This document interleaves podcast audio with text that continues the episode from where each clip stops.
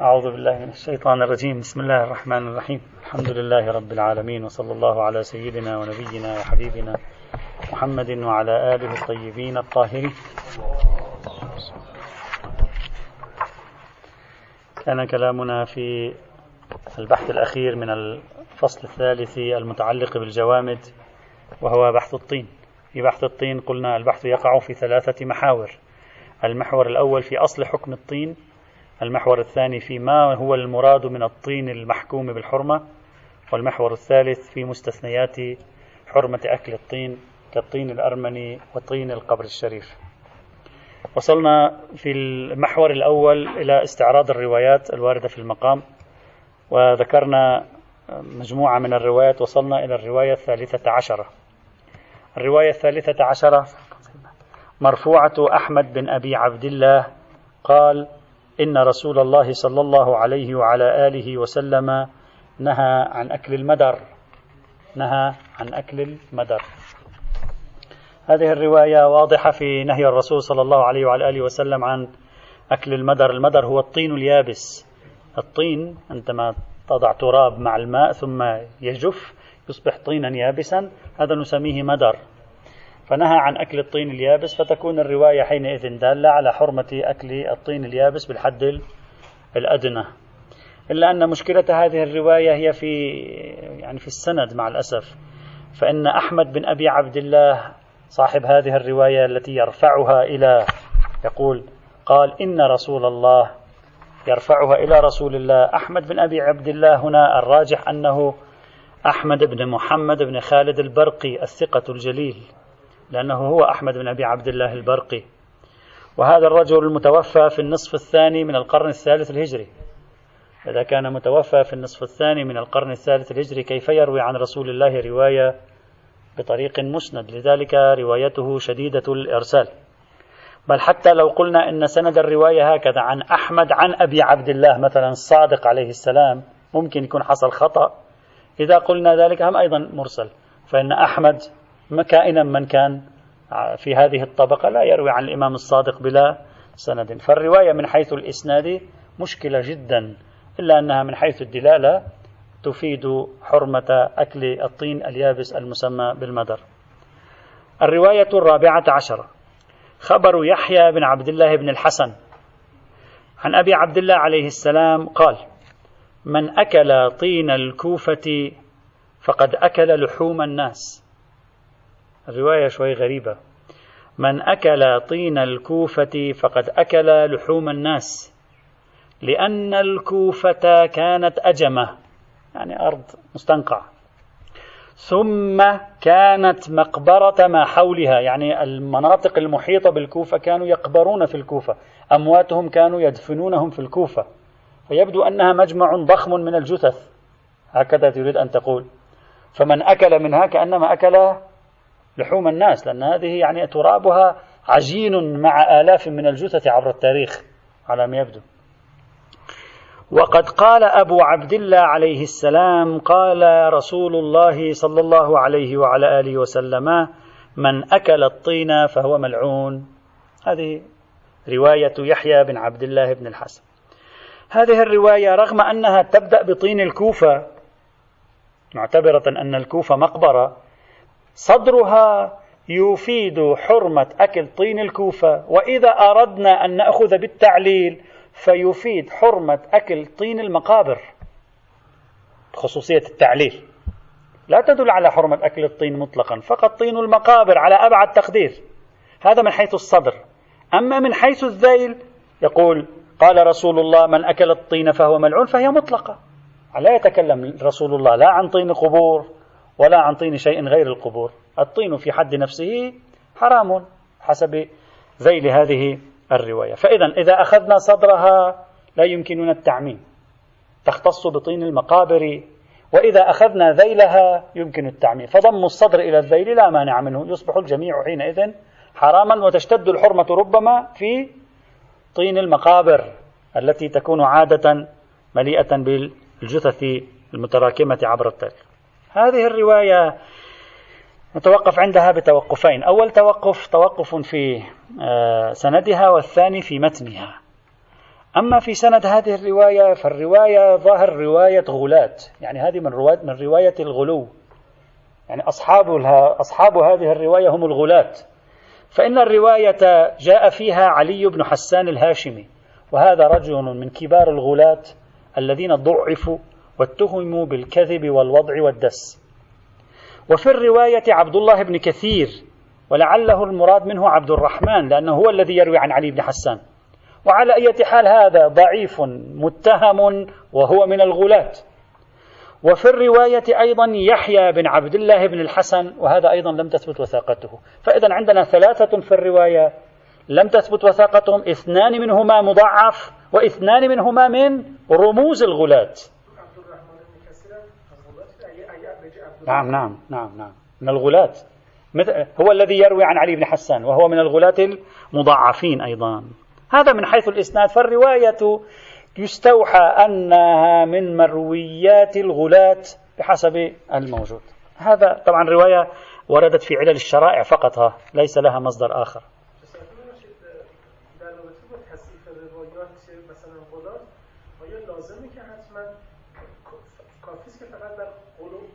لا. لا لا لا لا, ليس. لذلك قلت هؤلاء هذين مغاليين ضعفا في الرواية أيضا. محض الغلو لا يفيد. لكن إذا استقرأت كتب الرجال والفهارس شيخنا لن تجد مغاليا مدح. وكأن المستوحى من أدبيات علماء الرجال أن الغلاة عجين مع الكذب. يعني لا يع... يعني لا نعرف مغاليا صادقا. تجد يقول واقفي ثقة فطحي ثقة عامي ثقة بتري ثقة. تجد إلى ما شاء الله. كثير. لكن لا يوجد مورد أو لا يكاد يوجد أنا لا أدري لكن لأننا بحثت هذا الموضوع في منطق النقد السندي. لا يكاد يوجد مورد يأتيك عالم رجالي يقول شيعي يقول مغال ثق ويستوحى دائما أن الغلاة مثل أنهم كانوا معروفين بالدجل والكذب والدس واختلاق الروايات وما شابه ذلك والعلم عند الله. هذا أولا. ثانيا لم نعرف قد يستشكل هنا لم نعرف ما المراد من أن الكوفة كانت مقبرة ما حولها هذه الرواية رواية عن الإمام الصادق. هذه الرواية رواية عن الصادق ما المراد من أن الكوفة كانت مقبرة ما حولها الكوفة لا وجود لها قبل عصر عمر بن الخطاب. لا يوجد مدينة اسمها الكوفة قبل عصر عمر بن الخطاب حتى يكون يدفن فيها. هذا أول. ثانيا الكوفة أرض خالية أقرب منطقة عليها كانت هي بلاد الحيرة اللي هي كانت من حضارات العراق قبل الإسلام. كانت ملوك الحيرة كانوا معروفين في تلك الأماكن. لكن أرض الكوفة حسب ما ورد في التاريخ في زمن ملوك الحيرة كانت مصيف لم تكن مقبرة. يعني كان الملوك عندما يأتون يريدون أن يذهبوا في الصيف إلى مكان يعني آه، للاستراحة كانوا يذهبون إلى الكوفة. كانت من أماكن الاستراحة مصيف للأثرياء للمتمولين للزعماء للشخصيات كانوا يذهبون إليها. لم يذكر أحد أنها كانت مقبرة. فقد يأتي إلى البال. ما معنى أنها كانت مقبرة طيب هل المراد صارت فيها مقبرة بعد تأسيسها في زمن عمر بن الخطاب؟ وإذا كان كذلك ما خصوصية الكوفة أن يتكلم عن الكوفة؟ كل البلدان فيها مقابر. يعني ما الذي يريد أن يقول حينئذ؟ وكل البلدان العالم فيها مقابر. فما القصة في أمر الكوفة؟ قد يطرح إنسان هذا التساؤل هنا. ولكن يمكن أن يجاب. بعد مراجعة ما كتبه لويس ماسينيون. ماسينيون أحد المستشرقين الكبار. معروف. عنده كتاب ترجم إلى العربية. اسمه خطط الكوفة وشرح خريطتها. كتاب عن الكوفة أصلا. خططها وهندستها وكل تفاصيل عنها. يعني شيء عجيب. طبعا ليس كبير. كتاب صغير. مترجم إلى العربية. نشره دار الوراق. ترجمه تقي بن محمد المصعبي. كتاب جميل. الماسينيون في هذا الكتاب يؤرخ ويذكر مقابر الكوفة. يقول نعم الكوفة كانت بلاد مقابر. فمثلا يقول كان فيها جبانة بشر الخثعمي كان يقبر فيها نعم مقابر. وكان فيها جبانة الأزد. وكان فيها جبانة سليم السلولي أو سليم السلولي وكان فيها جبانة كيندا. يعني مقابر مقابر هذه مقابر لهم كانت. نعم المقابر نعم. وكان فيها جبانة الحشاشين. ويذكر غير ذلك كثير. ويقول بأنها كان فيها كثير من ال... يعني أماكن المقابر التي كانت عامرة بها بلاد الكوفة.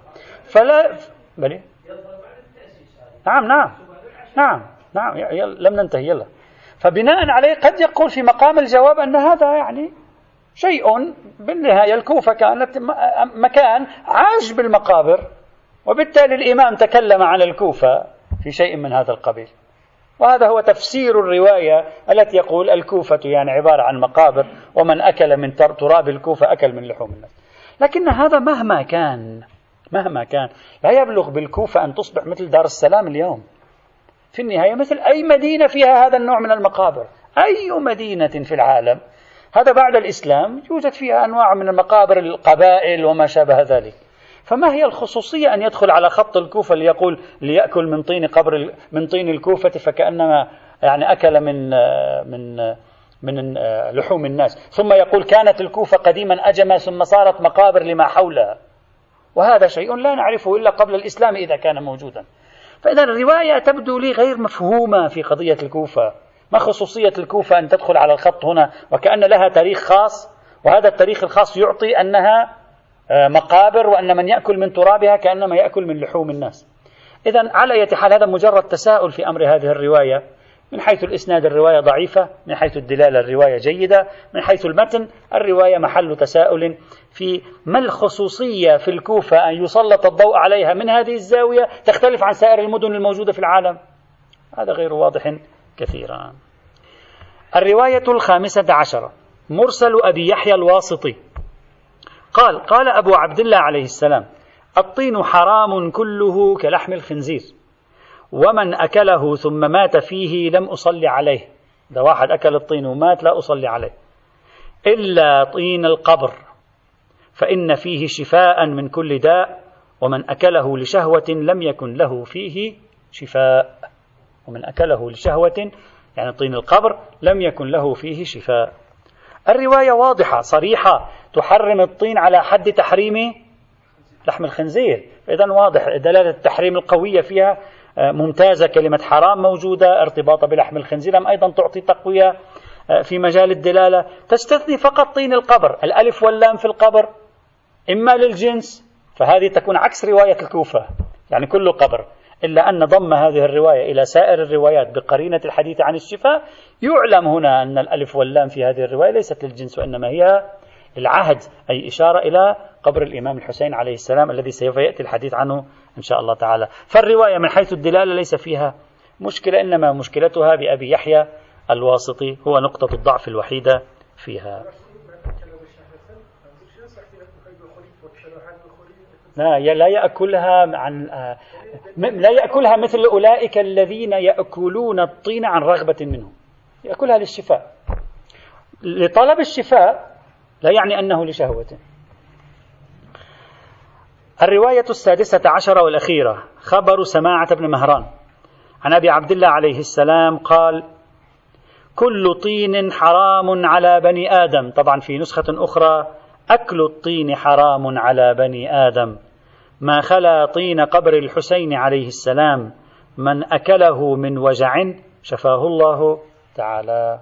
هذه الرواية صريحة واضحة لا تعلل لا بمقابر ولا بغير مقابر. كل الطين حرام على بني آدم باستثناء طين القبر الشريف فإن فيه شفاء. يعني غيره ليس فيه شفاء. الرواية من حيث الدلالة ممتازة إلا أن مشكلتها الطريق إلى سماعة.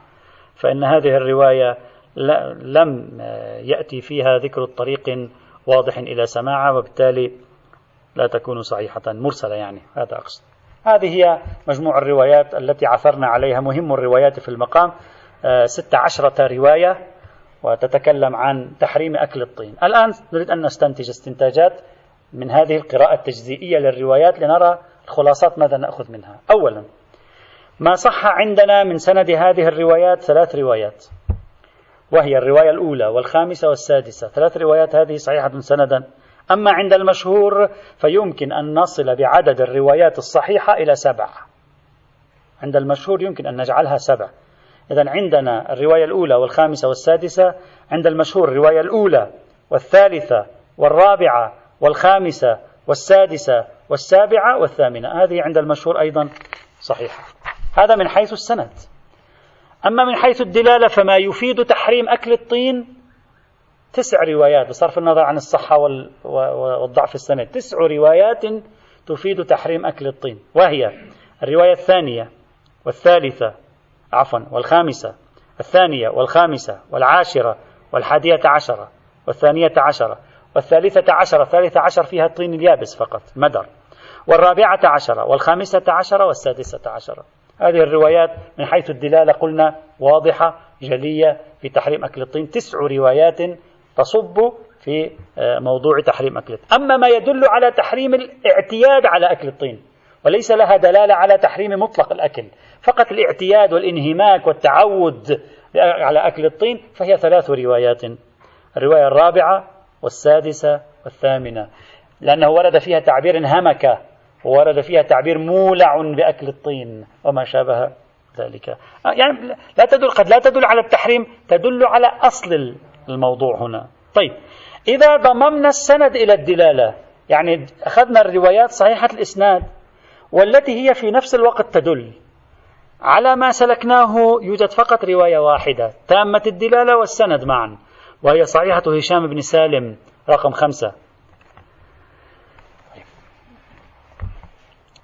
آه، ما, ما هو موقف أهل السنة من هذا الموضوع؟ هل توجد روايات سنية؟ أهل السنة يكاد يكون عندهم إطباق.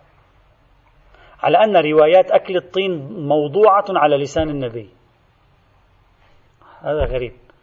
يعني هكذا يقول طبعا ليست روايات أكل الطين التي عند الشيعة. أصل رو... لأن عندهم هم أيضا روايات أكل الطين. قليلة جدا روايات أكل الطين عندهم. يعني ليست بشيء. لكن عندما يتكلمون عن روايات أكل الطين روايات أكل الطين من الموضوعات في الحديث. يعني بكلام واحد عندهم. هذا أيضا يلفت النظر في هذا الإطار. وعليه. لا لا لا نتكلم الآن عن الصحة السندية عن مسلك الخبر الواحد فقط. الآن بعد قليل سنتكلم عن الوثوق على مسلك الصحة السندية فقط. وبهذا يظهر أن ما أفاده السيد تقي القمي رحمة الله تعالى عليه حيث قال إن روايات الطين إتمام المدعى بها مشكل فإنها قاصرة عنه غير واضح. الروايات فيها ما هو الصحيح سندا وفيها ما هو الصحيح دلالة وفيها ما هو الصحيح سندا ودلالة. فلا أدري ماذا قصد السيد تقي القمي عندما قال إن روايات تحريم أكل الطين فيها قصور عن إفادة المدعى. المدعى ما هو؟ حرمة أكل الطين. الدليل ما هو؟ رواية دالة صحيحة الإسناد على مبانيه هو. وتوجد هنا كما رأينا أكثر من رواية دالة صحيحة الإسناد على مبانيه هو. بل حتى على المباني أكثر تشددا من مبانيه. نحن قلنا أصلا عندنا نحن يوجد صحيحة أيضا. سندا وتام دلالة فلا أدري لماذا توقف في أمر روايات الطين مع أن هذه الروايات من حيث الدلالة من حيث السند ممتازة؟ لا تقصر عن سائر الأدلة الموجودة في الموضوعات المختلفة. فالمفترض على قواعد حجية خبر الواحد الثقة أن, أن, أن نكون واضحين في تحريم أكل الطين كما هو تقريبا شبه الاتفاق بين الإمامية على تحريمه. فإذا هذا القول بتحريم أكل الطين مطلقا على قواعد حجية خبر الثقة صحيح؟ لا إشكال فيه. إلا أن الكلام الآن على حجية الخبر الموثوق الاطمئناني وهذا الكلام سندخله من خلال هذا العنوان. هل أكل الطين أكتب هذا العنوان. هل أكل الطين عنوان تحريمي مستقل في الشريعة أو هو تطبيق لعنوان تحريمي آخر؟ هذا أطرحه الآن فكروا فيه جيدا. هل عندنا في الشريعة عنوان مستقل في أصل الشرع؟ اسمه حرام أكل الطين؟ وهذه كنا نسميها دائما في أكثر من مكان عبرنا عنها بتشريعات الأصل. يعني حكم أصلي مستقل قائم بنفسه في الشريعة اسمه حرمة أكل الطين. هل هكذا هو حرمة أكل الطين؟ أو حرمة أكل الطين ليست إلا تطبيق لعنوان آخر. هو الحرام في الحقيقة وأكل الطين بعنوانه ليس بحرام. هذا هو الذي نريد الآن أن نفكر فيه. على مسلك حجية الخبر الإطمئناني. لوثوقها. لا على مسلك حجية خبر على مسلك حجية خبر الثقة انتهينا. على مسلك حجية خبر الثقة الرواية واضحة صحيحة معتبرة. ما, ما في نقاش في هذا الموضوع. البحث ينفتح أكثر أين؟ على المسلك الإطمئناني. طيب. ما ما ندعيه كفرضية الآن؟ أن أكل الطين ليس محرما في الشريعة رغم كل هذه الروايات. أكل الطين المضر بالبدن محرم في الشريعة. هذا هو الذي تريد الروايات أن تعطيه. يعني الروايات تريد أن تقول يا قوم الطين مضر بالبدن وكل ما هو مضر بالبدن حرام. الطين حرام. هذا هو مراد فحوى الروايات بضمها إلى بعضها. هذا هو الذي نأخذه. في فرق. هل أنت تسألني تقول لي شيخنا ما الفرق بين الاثنين؟ ما الفرق بين تأتي الرواية تقول أكل الطين حرام وبين الرواية تأتي وتقول الطين مضر بالبدن إذا فأكله حرام. ما الفرق بينهما؟ في نهاية المطاف كلاهما يقول أكله حرام. الفرق بينهما إذا كان الشرع ينشئ حكما مستقلا في أكل الطين يقول أكل الطين حرام. خلاص. ثبت لدي أنه مضر هو حرام. ثبت لدي أنه مفيد هم هو حرام. ثبت لدي أنه من أفضل الأطعمة على وجه الأرض لبدن الإنسان هم حرام. ثبت لدي أن لم يثبت لدي شيء هم حرام. لماذا؟ لأن الحكم انصب على العنوان بنفسه فأسس حكما أصليا اسمه حرمة أكل الطين. أما على الاحتمال الثاني إذا كان المضمون الذي تريده الروايات هو الطين مضر فأكله حرام. معنى ذلك أنه لو ثبت لدي في مورد ما في حالات معينة أن الطين ليس بمضر بل مفيد. لا دليل على شمول التحريم لهذه الحال حينئذ. هذا فرضيا نتكلم الآن سوف نرى. لماذا ذهبنا أو لماذا نطرح هذا الاحتمال أصلا؟ لماذا؟ إذا في فرق عملي بين الفرضية الأولى والفرضية الثانية. في الفرضية الأولى تحريم أكل الطين كلي. لا علاقة له بأنت ماذا ما عندك من معلومات عن الطين. وكيف أنت تقيم أكل الطين. أما على الافتراض الثاني الروايات تحرمه بملاك كونه مضرا. إذا الملاك الضرر هو الأساس هنا. فلو دخل العلم الإنساني واستطاع أن يقول في بعض الحالات أكل الطين ليس مضرا أو في كمية معينة أكل الطين ليس مضرا يكون حلالا حينئذ. طيب لما ما هو ما هي الفائدة أو ما هو المعيار من وراء هذا التمييز؟ كيف كيف أنا أعرف أن الروايات هنا حرمت أكل الطين بعنوانه أو حرمته بعنوان المضر؟ آه هنا يعني بعنوان تطبيقي. المعيار عادة قرائن في موضوعنا على الشكل الآتي. أولا الآن سأعطي المعيار هو مجموع هذه النقاط. أولا نحن حيث نتكلم الآن عن حجية الخبر الموثوق بصدوره. عندما نتكلم عن حجية خبر موثوق بصدوره الخبر الموثوق بصدوره له حالتان. الحالة الأولى أضع يدي على رواية وأقول هذه الرواية موثوق بصدورها. مثلا أضع يدي على حديث الغدير وأقول حديث الغدير يوجد يقين عقلاء بصدوره. كيف؟ لأن له مئة طريق. فهذا أضع يدي على رواية وأقول هذه موثوق بصدورها مطمئن بصدورها. هذا النوع الأول من الوثوق بالصدور. النوع الثاني ليس عندي رواية إذا وضعت يدي عليها أثق بصدورها. لأن كل الروايات لها طريق واحد كل رواية لها طريق. لكن عندي قاسم مشترك بين مجموعة روايات أستطيع أضع يدي على القاسم المشترك بينها وأقول أنا أثق بصدوره. كما في التواتر المعنوي. التواتر المعنوي هكذا. أضع يدي على قاسم مشترك تجتمع عليه الروايات. كل رواية تتكلم عن أشياء خاصة بها. لكن بين هذه الروايات قاسم مشترك أضع يدي على القاسم المشترك أقول هذا القاسم المشترك صدر. لا أقول هذه الرواية صدرت لا أعرف. لا أقول الرواية الثانية صدرت لا أعرف. لا أقول الرواية الثالثة صدرت لا أعرف لكن أقول هذا القاسم المشترك بين مجموع الروايات أطمئن أنه قد قاله الإمام. لكن أي جملة هي التي قالها؟ لا أستطيع أن أحدد. كما في وهذا هو حال التواتر المعنوي. إذا عندنا طريقين من طرق الوثوق بالصدور. وضع اليد على رواية بعينها والقول وثقنا بصدورها وهذا إنما يكون فيما إذا كانت رواية لها طرق كثيرة. مورد ثاني الوثوق بالصدور من خلال القاسم المشترك. ليس عندي رواية لها طرق كثيرة. كل الروايات هنا طرقها آحادية. لكن عندي قاسم مشترك تتعاضد عليه الروايات فأستطيع أن أقول بالوثوق بصدوره نأتي إلى بحثنا. في بحثنا هنا لا توجد رواية أستطيع أن أقول هذه أثق بصدورها. أي رواية من الروايات تثق أنت بصدورها؟ تثق بمعنى عندك اطمئنان بالصدور علم بالصدور علم عقلائي بالصدور. ما كل رواية لها سند. سند واحد لا يعطي علم بالصدور إلا يكون في قرينة خاصة. كل رواية من هذه الروايات الست عشرة رواية هذه كلها أحادية. لو أخذت كل واحدة على حدة أقول هذه لا اطمئنان بصدورها.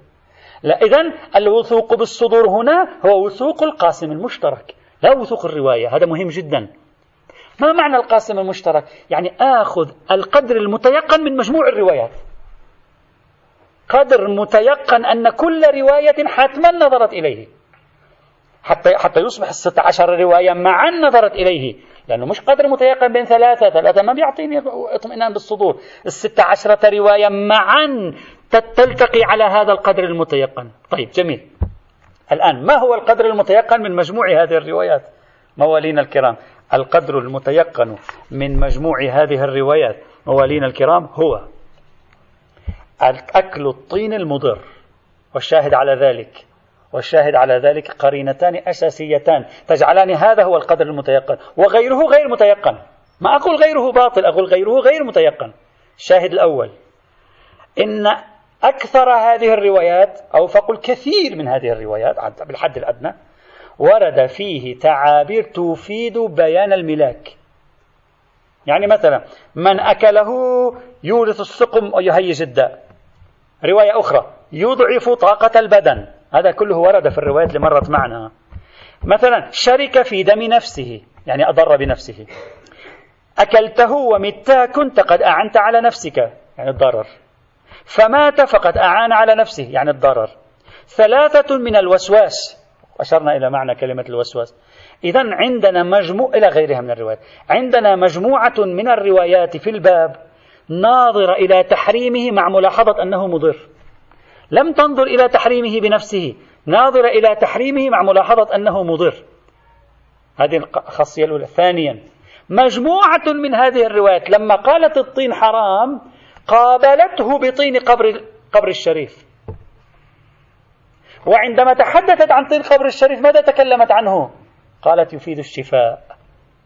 إذا بقرينة المقابلة هذا الطين ليس حراما هذا الطين إنما هو ليس بحرام لأنه يشفي الإنسان. هذا طين يشفي ليس حراما. بما أنه يشفي ليس حراما. الآن صار بإمكاننا أن نقول مستحب باعتبار ليس حراما. ممكن يكون في خاصية معنوية أخرى أيضا. إذا مجموع الروايات لو لاحظتها أغلب روايات الباب تربط بين مفهوم الطين والضرر أو الطين وعدم الاستشفاء. إما ارتباط مباشر أو ارتباط بقرينة المقابلة. طيب إذا أنا أريد أن أخذ القدر المتيقن لازم أخذ هذه الروايات بعين الاعتبار. فيصبح القدر المتيقن من نظر مجموع الروايات في الباب هو الطين حيث هو مضر حرام. هذا هو القدر المتيقن من روايات الباب. على مسلك الوثوق نتكلم هذا هو القدر. غيره لا أستطيع أن أتيقن منه. صحيح الروايات المطلقة موجودة في المقام. يوجد روايات مطلقة. من أكل الطين فهو ملعون. هذا ليس فيها ضرر. لكن نحن لا نتكلم عن رواية رواية حصل لنا وثوق بصدورها ولا نتكلم عن مسلك حجية خبر الثقة. نتكلم عن القاسم المشترك. فإذا ضم الروايات الموسعة الدائرة مع الروايات المضيقة الدائرة يعطينا أن القاسم المشترك بينها هو المضيق الدائرة. بله؟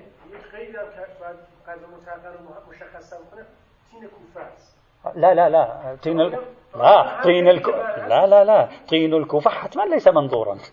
يعني لأن سائر الروايات يقطع بأن خصوصية الكوفة غير منظورة فيها. رواية واحدة وردت فقط في طين الكوفة. يقطع. لا.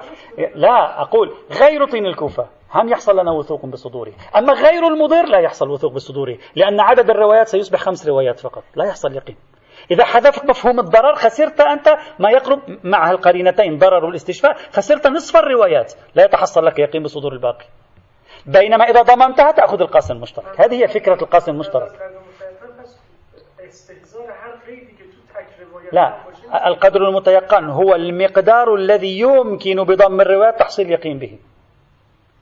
الآن لو حذفت خاصية الكوفة يمكن. 15 رواية يمكن. بينما لو حذفت خاصية الضرر والاستشفاء لا يمكن. لأن نصف الروايات ذهبت وبالتالي النصف الثاني لا يحصل لي يقينا بالصدور. خمس روايات ست روايات لا يحصل يقين بالصدور وأغلبها ضعيف الإسناد أيضا. هذه هي نكتة الباب.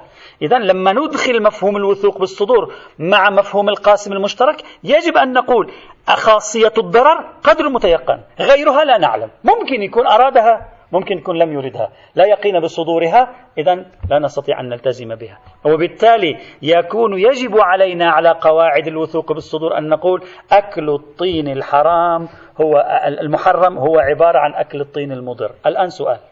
بعد نحن سنحاور أنفسنا ونجيب حتى لا يعني نحاول نستنفذ الطاقة. قد تسأل لي سؤال. يا مولانا العزيز لماذا لا يكون إخبار الإمام في بعض هذه الروايات بأن الطين مضر بموجب انعقاد إطلاق في هذه الروايات؟ يعني مثلا قالت الرواية مثلا هكذا قالت الرواية لا تأكل من الطين فإنه مضر. معنى ذلك كل طين مضر. الرواية هكذا قالت لا تأكل من الطين فإنه مضر. معنى ذلك كل طين مضر. هي الرواية تقول فإنه مضر. هي هي نفسها تخبرني. هي تخبرني بأن فيه ضرر. وإذا كانت تخبرني بأن فيه ضرر ينبغي الالتزام بأنه مضر. فلماذا لا نلتزم بأنه مضر؟ الجواب ليس في الروايات بقدر بالقدر الموثوق بصدوره. ليس هناك نص مطلق. لأن كلمة فإنه مضر كما تحتمل أنها تخبر عن ضرر كل طين تحتمل أنها تبين مدار الحكم في حرمة الطين.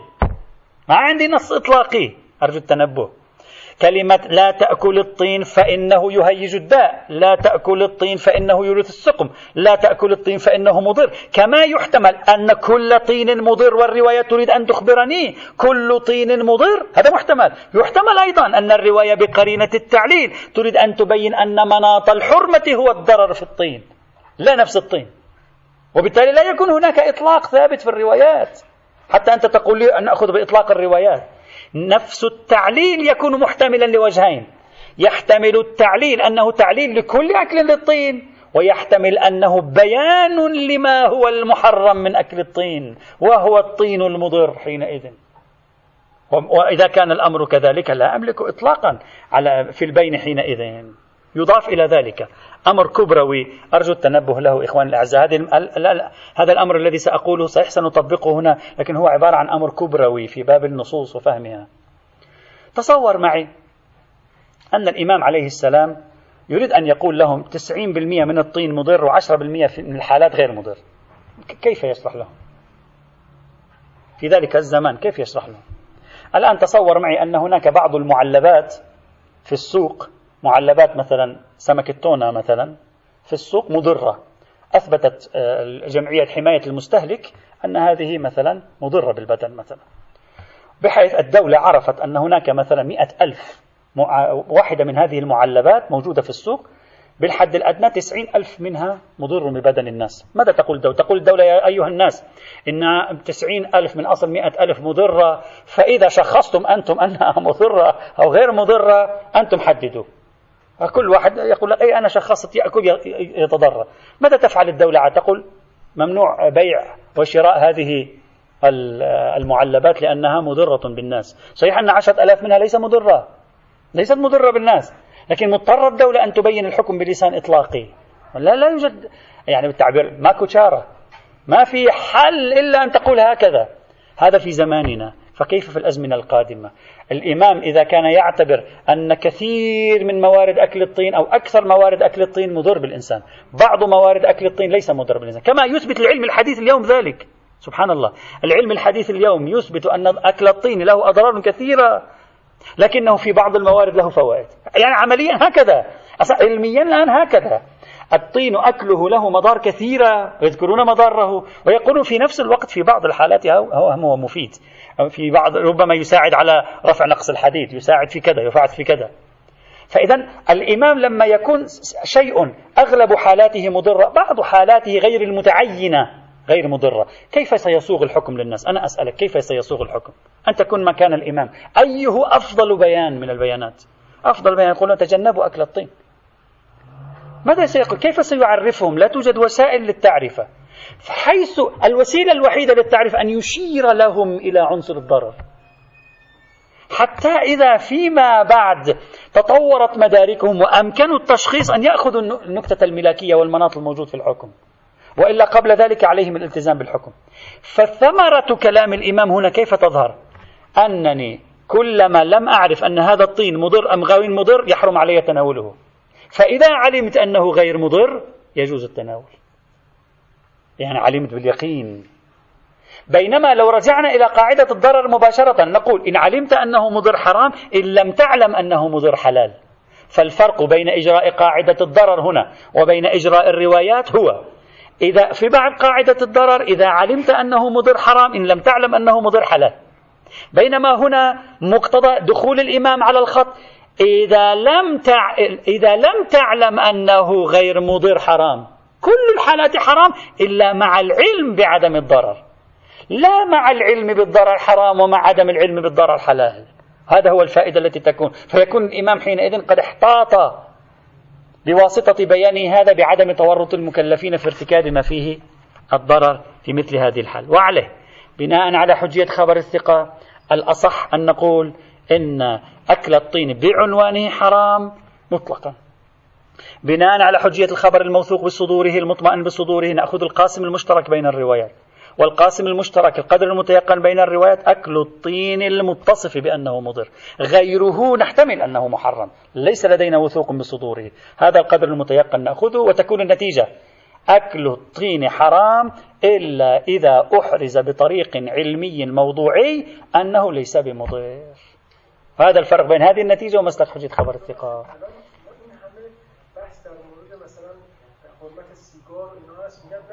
ضرر به نفس اشکالی نداره می‌خوام بگم خب بالاخره این روایت انگار فهم نشده که ضرر چرا؟ یقول اعان على نفسه. من می‌دونم اگه واقعا این حرمت هست خب بالاخره جای دیگه هم با سیگار اینا حرمتش هم ثابت بشه دیگه من منظور من می‌فهمی نه متوجه نشدم.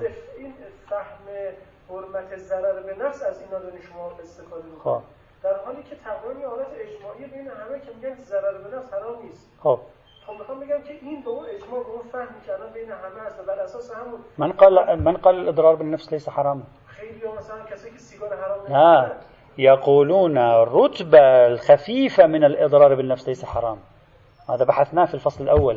لا تذكرون.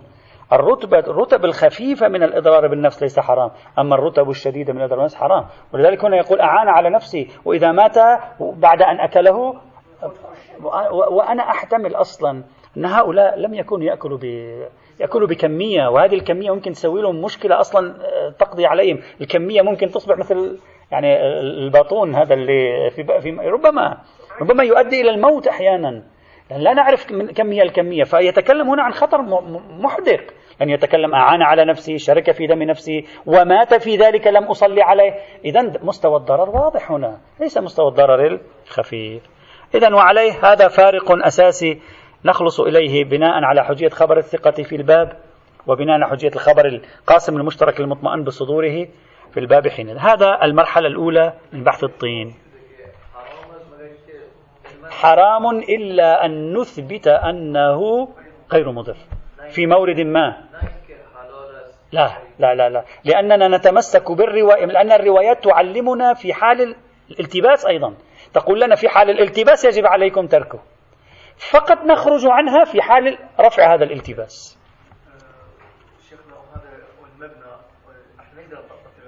طبعا طبعا حسب طبيعة ألسنة الروايات لأن هنا نصف الروايات فيها هذا الربط بين الضرر و آه، أما إذا رواية كنتيجة نعم. إذا هذه المرحلة الأولى. أصل حكم تناول الطين. المرحلة الثانية. آه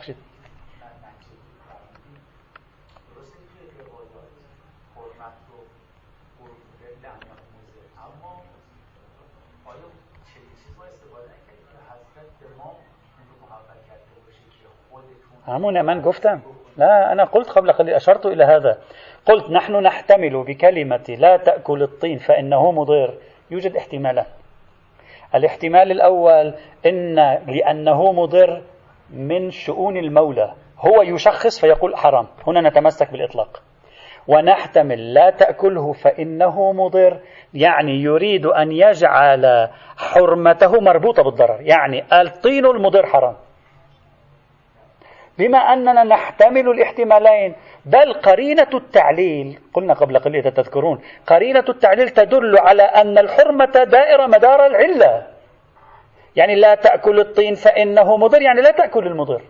فلو أحرزت أنه ليس بمضر أصلا الحكم لا يشمل لأن العلة تضيق تخصص وتوسع وهنا تخصص. عرفت قصدي كيف؟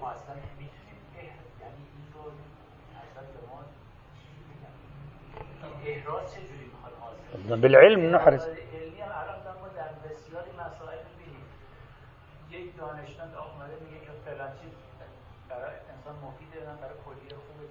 وأنا أسألك الآن أنت كيف ترجع إلى العلم في سائر الأمور؟ كيف تسلم نفسك للطبيب ليجري لك عملية؟ هم ممكن يكون يشتبه هم ممكن يكون يخطأ بأي وجه. الرجوع إلى العلم رجوع طبيعي عادي يعني مقتضى الحالات الطبيعية. وين المشكلة فيه؟ قد يخطئون نعم قد يخطأ العلم. والفقه هم قد يخطأ. عادي يعني ما في مشكلة. نحن في, في الاجتهاد الفقهي قد يخطأ الفقيه وفي الاجتهادات العلمية هم قد يخطأ العالم. المهم حصل لنا علم أو لا؟ حصل لنا علم نعمل عليه. هل تغير علمنا فيما بعد؟ لا بأس. يتغير نغير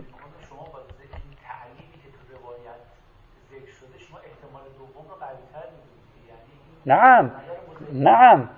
نعم لأن التعليل يجعل العلة هي مدار الحكم. هذا هم يقولونه في العلة المنصوصة هذا علة منصوصة.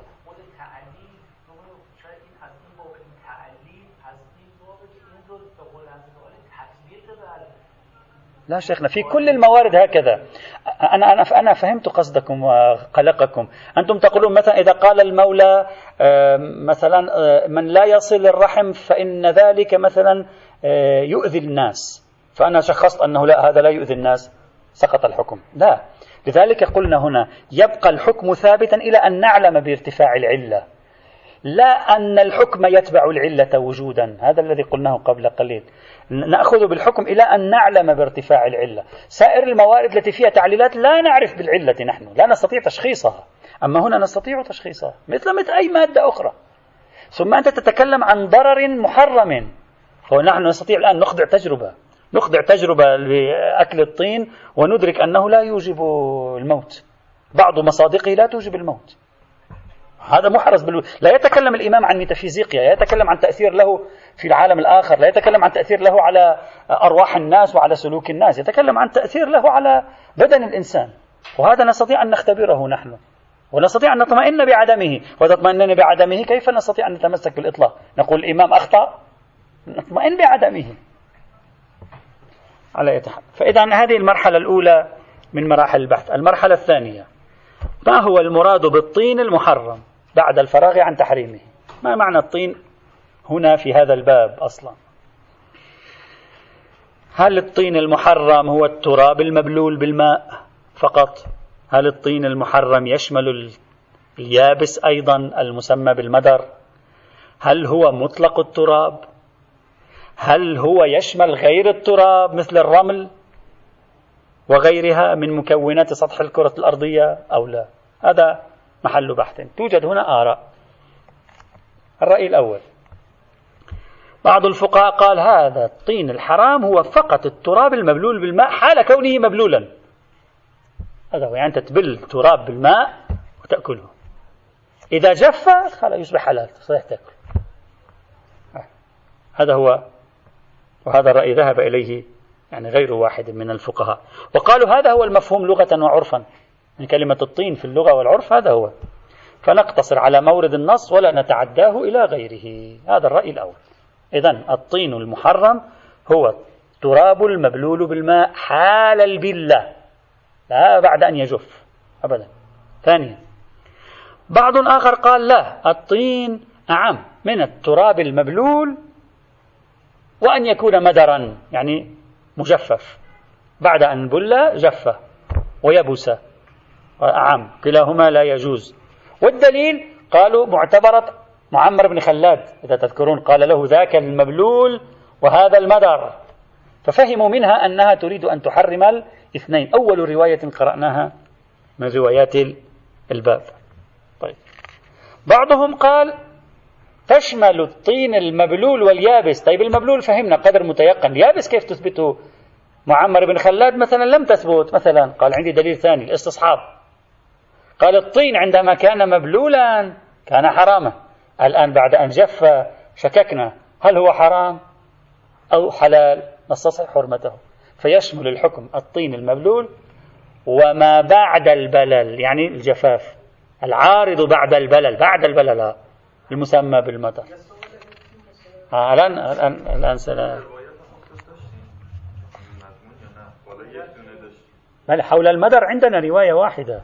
مرت معنا الرواية الثالثة عشرة لكنها ضعيفة السند على نعم. فقالوا آه، نستصحب. بعضهم قال الاستصحاب لا يجري هنا.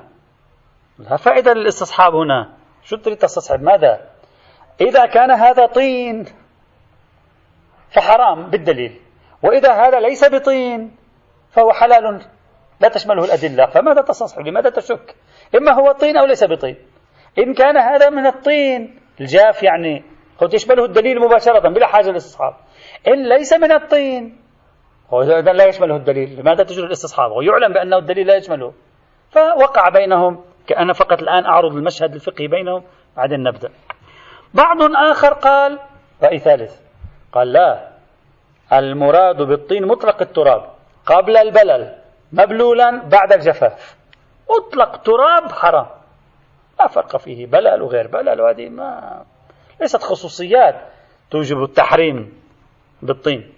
لماذا؟ قالوا لأن العرف والواقع أصلا لا فرق بين التراب والطين المبلول والطين بعد أن جف. شو شو الفرق بينهما؟ يعني هذا فيه أشعة معينة يعني وذاك هو هذا تراب بعد نفسه نفسه يعني. حتى العرف هم لا يرى فرقا بينهما. وبالدقة هم أيضا لا فرق بينهما. شو الفرق بينهما؟ فقالوا كله واحد. كل تراب قبل أن يبل بعد أن تلبس بالبلل بعد أن جف عقب التلبس بالبلل. كله يكون حينئذ حراما وكله مضر آه بالاخره خود هم موضوعیت نداشته باشه. مثلا خاک از خاک از خاک آفریده شده دیگه. حالا گل شده هو من التراب نعم نعم نعم. الآن ويتأكد ما يقول هؤلاء برأيهم يتأكد ما يقول هؤلاء برأيهم وحدة الآثار الضررية هذا التراب. يعني إذا كان أنت أكلته وهو مبلول غير أكلته وهو جاف يعني لا فرق. هذا مضر وهذا مضر. فذهنية الضرر دخلت هنا على على الخط. طيب. قالوا بل من المحتمل أن يكون المراد من الطين التراب لروايات طين قبر الإمام الحسين. وعندها روايات طين قبر الإمام الحسين هم التراب. طين قبر الإمام الحسين يعني المبلول؟ التراب هذا. فقالوا يفهم من هناك التراب فهذا بمقابلها فلا بد أن نفهم منه التراب حينئذ. بعض الفقهاء احتاط وجوبا ليس فقط في التراب قال حتى الرمل. لكن الحجر لم يقبل به الأخشاب لم يقبل بها الحديد لم يقبل به لكن حتى الرمل يشمل. بعضهم توسع قال مطلق الأحجار مطلق الجص مطلق النورة مطلق الإسمنت مطلق الرمل مطلق التراب. كل هذه أسرة واحدة. أولاد عمومة الرمل والتراب أولاد عمومة كله هذا يراد من الطين تحريمه. هذا هو المراد من الطين. هذا هو الحرام. نعم نعم نعم. النورة والجص وما شابه ذلك. قال هذا كله حرام. كل هذا تراب يعني ملحق بوجه الأرض لا غير. طيب الآن كل هذا صار حرام. وقع الفقهاء في مشكلة. يابا هذا الفواكه التي نحن نأكلها وفيها حبات تراب أيضا. هذه الفواكه التي نأكلها فيها حبات تراب أحيانا تكون. الماء الذي نشربه فيه حبات أيضا. المياه ليست كلها مصفات مئة بالمئة. فيها حبات تراب صغيرة إذا كان التراب وهذا كله حرام الذي تقولونه. ماذا نفعل؟ هذا حرام ينبغي أن يكون. فقالوا فقالوا قالوا نستثني. طبعا لا توجد رواية في الاستثناء. نستثني حبات التراب وأمثالها التي تكون في المياه وفي الأنهار. يعني أنت في النهر تجي الآن إلى نهر أبو الفضل العباس رحمه عليه السلام عندما أراد أن يذهب إلى النهر ما كان أراد يشرب من النهر. هذا النهر هم فيه تراب. شو النهر يعني كان صافي هو أنت بجزر المالديف يعني لا فيه تراب. فكيف كان أراد يشرب؟ كل هالناس تشرب من الأنهار كانت قديما. كيف تشرب؟ هذا كلها فيها تراب. جزيئات التراب حتما يشربها الإنسان. قالوا نستثني التراب الذي يكون في الأنهار والمياه إلا إذا كانت المياه موحلة جدا. لا لا نستثنيه وكذلك الفواكه إذا غسلتها ربما يبقى شيء عليها وأنت تأكل. قالوا هذا هم أيضا مستثنى. كذلك الحنطة الدبس الحبوب هم أيضا فيها ذرات. إذا تتكلم بالفقه الذري هم فيها ذرات. هم أيضا حرام. قالوا لا هذا مستثنى. فإذا قالوا كل هذا مستثنى. الحبات الصغيرة التي تكون في المياه أو الحبوب أو الفواكه مستثنات. دليلكم على أنها مستثنات. بعضهم صرح. قال لأن ظاهر الروايات تحريم أكل الطين ويبدو من تحريم أكل الطين يعني تحريمه مستقلا. يعني تجي تجيب طين وتأكل طين. مش أنت عم تشرب مي يطلع لك حبة طين في في جوفك ينزل إلى جوفك. قال هذه منصرفة. أكل الطين هذا منصرف. لما نقول حرام أكل الطين حرام شرب هذا منصرف عنه. لا يصدق عليه أنه أكل. طبعا هذه تسوي مشكلة هذه تسوي مشكلة كبيرة. لماذا؟ لماذا تسوي؟ هذه الجزيئات الغضروف من غضروف ودهن الخنزير التي توضع في داخل مواد هائلة ثم تحول إلى أقراص من الأدوية. هذه ما الفرق بينها وبين حبة التراب التي في الماء؟ وذاك أيضا أكل الخنزير منصرف إلى أكل الخنزير مستقلا. جيب خنزير وتأكل. فإذا وضعنا جزيئات من لحوم أو دهون محرمة وضعناها مبثوثة في أجزاء أخرى بحيث صارت كالذي يأكل الفاكهة التي عليها حبيبات تراب. ما الفرق بينها؟ لا يوجد فرق. لماذا هنا فهمتم الاستقلال؟ وهذا فهم عرفها الاستقلال. هناك رفضتم هذا الفهم الاستقلالي. ومنعتم من كل هذه الأشياء. حبات بسيطة من المسكر. وضعت في بعض يقولون المسكر يعطي طعم. بعض الكحول تعطي طعم آه، للمأكولات خاصة المأكولات المصنعة الشوكولاتة وغيرها. وهذه تعطي طعم وتحلل في قدور ضخمة. شركات ضخمة. ثم بعد ذلك حبات صغيرة اترك فكرة النجاسة. اترك فكرة النجاسة. ابني على طهارة المسكر. هو هذا هم أيضا مثل حبات التراب. لماذا لم تفهم هناك عرفا ذلك؟ وجه وجيه. أصلا هذه منصرفة الأدلة عنها. الأدلة في حرمة شرب المسكر يعني تجيب مسكر وتشرب أما هذا يكون. الأدلة في حرمة أكل لحم الخنزير ودهن الخنزير وأمثال يعني تجيب خنزير تشويه وتأكل خنزير. هذا يفهم منه. أما مثل هذه الجزيئات الصغيرة مفترض تنصرف عنها الأدلة. كما قلتم هذا لماذا لا تقولون هناك هذا قريب أيضا. خلوا هذا كسؤال بعدين هذا راح يجي معنا في بحث المسكر بالمناسبة. لا لا لا لا. حتى لو قالوا بالطهارة يقول حرام. حتى لو قالوا بالطهارة يقولون حرام أيضا. ثم هذا المتنجس الذي استهلك. استهلك استهلاكا أيضا. ممكن أن ممكن تعمل عملية معينة. على أي حال هناك لا يقبلون. حتى لو قلت بالطهارة لا يقبلون إطلاقا شيئا من بينما هنا قالوا لا بأس. إذا تذكرون في بحث الحشرات الديدان الصغيرة التي تكون في داخل الفواكه قالوا هذه لا بأس بها. تأكل الفاكهة. لا يجب عليك تفتح كل فاكهة وتنظر هل يوجد دود. فإذا أكلتها وكان في حبة دود لا بأس. قالوا هذه مستثنات كيف استثنوها؟ قالوا أن هذه متعارفة. إذا هذا ينبغي خلوه في بالكم هذه لأن هذه إشكالية سيالة في باب الأطعمة والأشربة هل إذا تعاملنا مع المطعومات والمشروبات المحرمة بطريقة اندكاكها داخل أجسام كبيرة بحيث لا يصدق عرفا أكلها مستقلا هل يوجب ذلك الحلية بصرف النظر عن موضوع النجاسة والطهارة أو لا؟ هذا يفتح بابها. إذا توصلنا إليه يفتح بابا في إمكان آه، تحليل كثير من الموارد آه، في هذا الباب. هذا خلاصة المشهد الفقهي في هذه القضية. الآن نريد أن نعرف اللغة العرف النصوص والأدلة. ماذا تعطي في الطين؟ وما هو الطين المراد من بين هذه كلها؟ والحمد لله رب العالمين.